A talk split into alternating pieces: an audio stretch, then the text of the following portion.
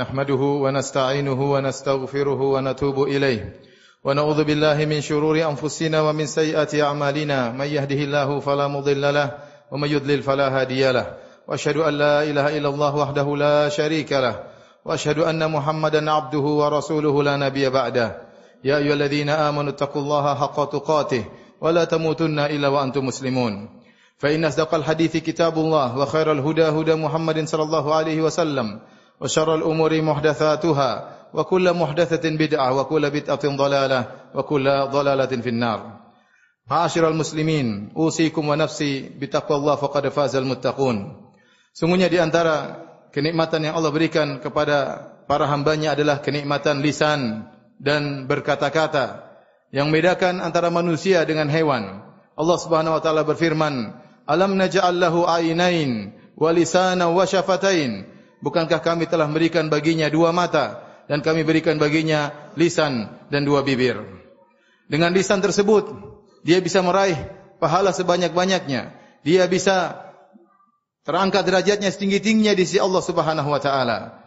Nabi sallallahu alaihi wasallam bersabda, "Innal 'abda la yatakallama bil kalimati la yulqi laha balan min min ridwanillah yarfa'u Allahu biha darajat." Sungguhnya seorang hamba mengucapkan satu perkataan yang merupakan keridhaan Allah Subhanahu wa taala yang dia tidak pikirkan tentang dampaknya. Ternyata dengan perkataan tersebut dia diangkat derajatnya tinggi oleh Allah Subhanahu wa taala.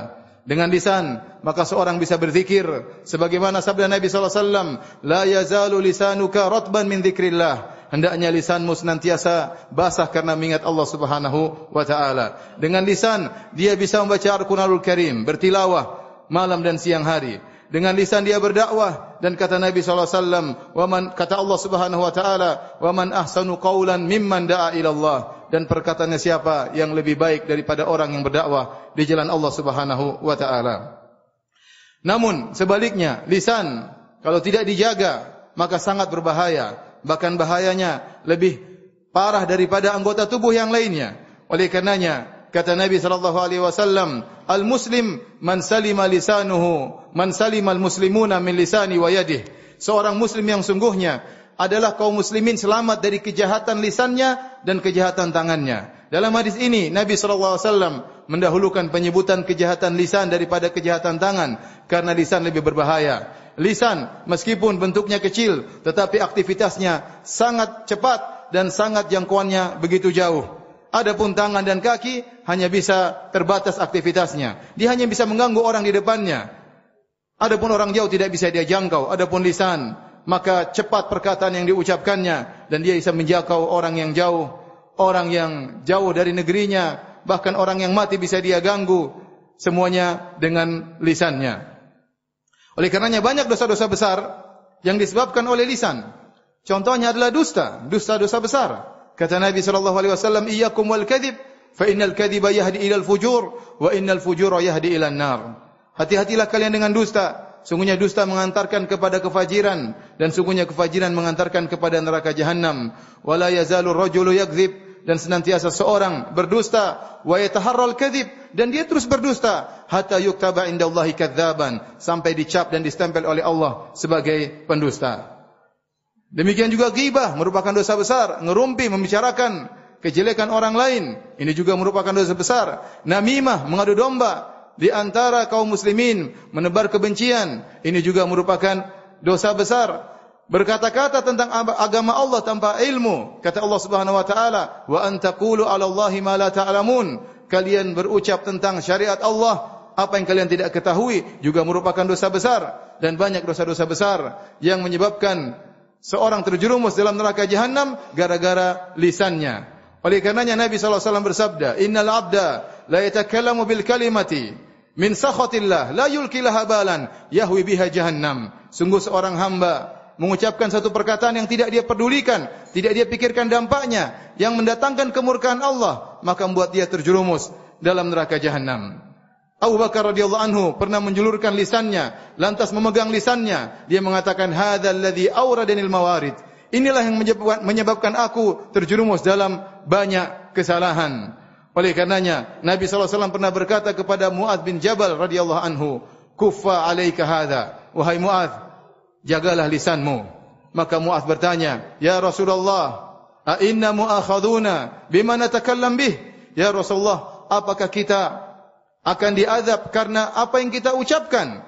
Kata nabi alaihi wasallam thaqilatka ummuk wa hal yakubun nasa fi nari ala manakhirihim aw ala wujuhim illa hasaidu alsinatihim. Bukankah kebanyakan manusia terjerumus dalam neraka jahanam di atas wajah-wajah mereka kecuali akibat lisan ucapan yang mereka ucapkan. Semoga Allah Subhanahu wa taala menjauhkan kita dari kejahatan-kejahatan lisan. Aku lu qauli hadza wa astaghfirullah li wa lakum wa lisairil muslimin min kulli dhanbin wa khati'ah fastaghfiruhu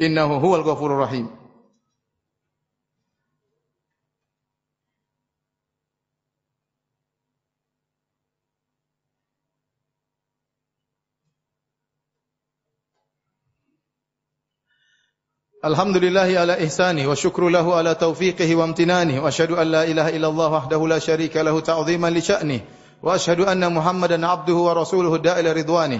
Allahumma salli alaihi wa ala alihi wa ashabi wa ikhwani. Hadirin ma'asyiral muslimin Sungguhnya di sana ada satu ibadah yang terlupakan. Ibadah yang tidak kalah mulia daripada ibadah mengucapkan kata-kata yang baik.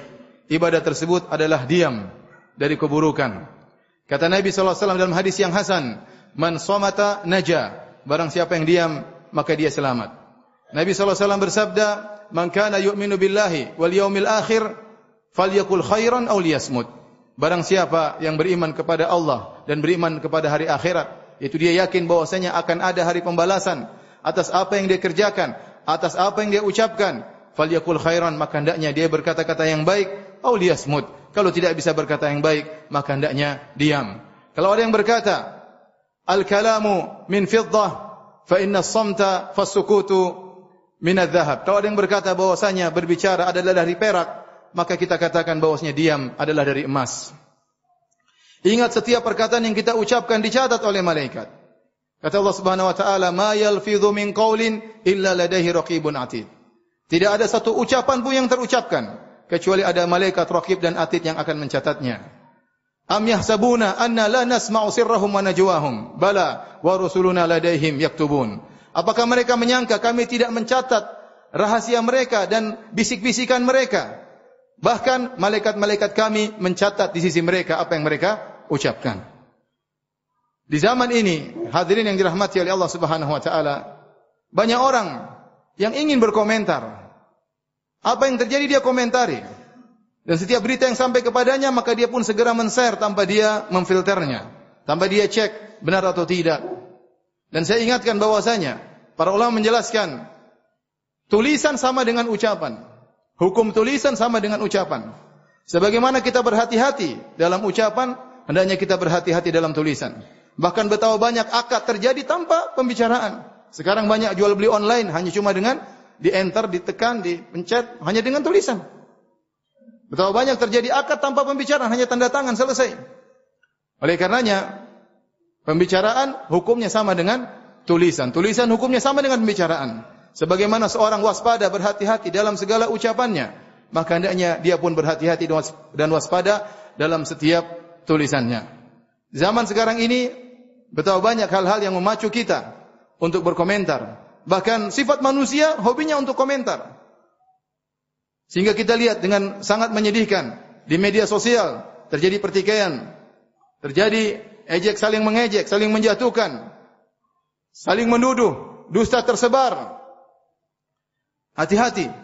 Hal itu semua bisa mengantarkan kita ke dalam neraka jahanam. Dalam satu hadis yang diriwayatkan Imam Al-Bukhari, Nabi sallallahu alaihi wasallam pernah melihat seorang sedang diadab di alam barzakh. Bagaimana azabnya? Azabnya dia sedang duduk, lalu datang orang yang lain mengambil benda tajam kemudian merobek bibirnya sampai ke lehernya di sebelah kanan. Kemudian orang itu berpindah sebelah kiri, memindahkan pisaunya ke sebelah kiri, merobek mulut kirinya sampai ke lehernya. Begitu mulut kirinya robek sampai ke lehernya, maka yang sebelah sini sudah sembuh lagi. Maka dia pindah lagi ke sebelah kanan. Kemudian dia robek lagi, yang sebelah kiri sembuh lagi. Terus demikian sampai hari kiamat. Maka Nabi bertanya, siapakah orang tersebut? Maka dijelaskan kepada Nabi SAW, Amal ladzi ra'aitahu yushaqqu shidquhu. Adapun orang yang kau lihat dirobek mulutnya sampai ke lehernya. Fakadzabun yuhaddithu bil kadzbah adalah seorang pendusta yang dia menyampaikan satu kedustaan fatuhmalu anhu hatta yablughal afaq kemudian dusta tersebut diser sampai tersebar ke alam semesta. Fayusna'u bihi ila yaumil qiyamah. Maka dia disiksa demikian sampai hari kiamat kelak.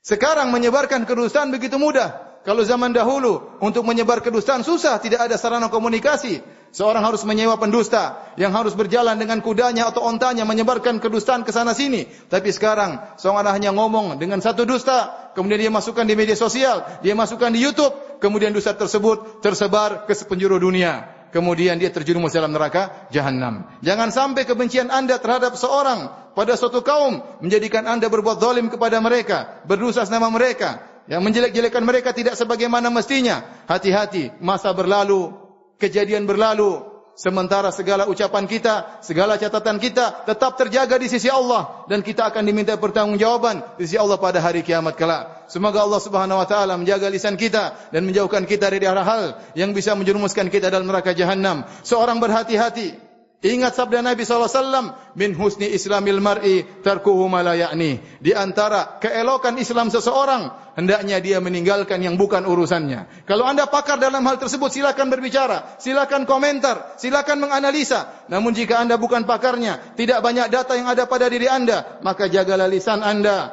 pegang lisan anda. Lisan kalau sudah terlanjur diucapkan, tidak bisa ditarik kembali. Tercatat di sisi malaikat yang akan ditampakkan kepada kita pada hari kiamat kelak. Inna Allah malaikatahu yusalluna ala nabi ya ayyuhalladzina amanu sallu alaihi wa sallimu taslima. Allahumma salli ala Muhammad wa ala ali Muhammad kama sallaita ala Ibrahim wa ala ali Ibrahim innaka Hamidum Majid wa barik ala Muhammad wa ala ali Muhammad kama barakta ala Ibrahim wa ala ali Ibrahim innaka Hamidum Majid. Allahumma ighfir lil muslimina wal muslimat wal mu'minina wal mu'minat al ahya'i minhum wal amwat إنك سميع قريب مجيب دعوات ويقاضي الحاجات. اللهم آت نفوسنا تقواها وزكها. أنت خير من زكاها. أنت وليها مولاها ربنا ظلمنا أنفسنا وإن لم تغفر لنا وترحمنا لنكونن من الخاسرين. اللهم إنا نسألك الهدى والتقى والعفاف والغنى.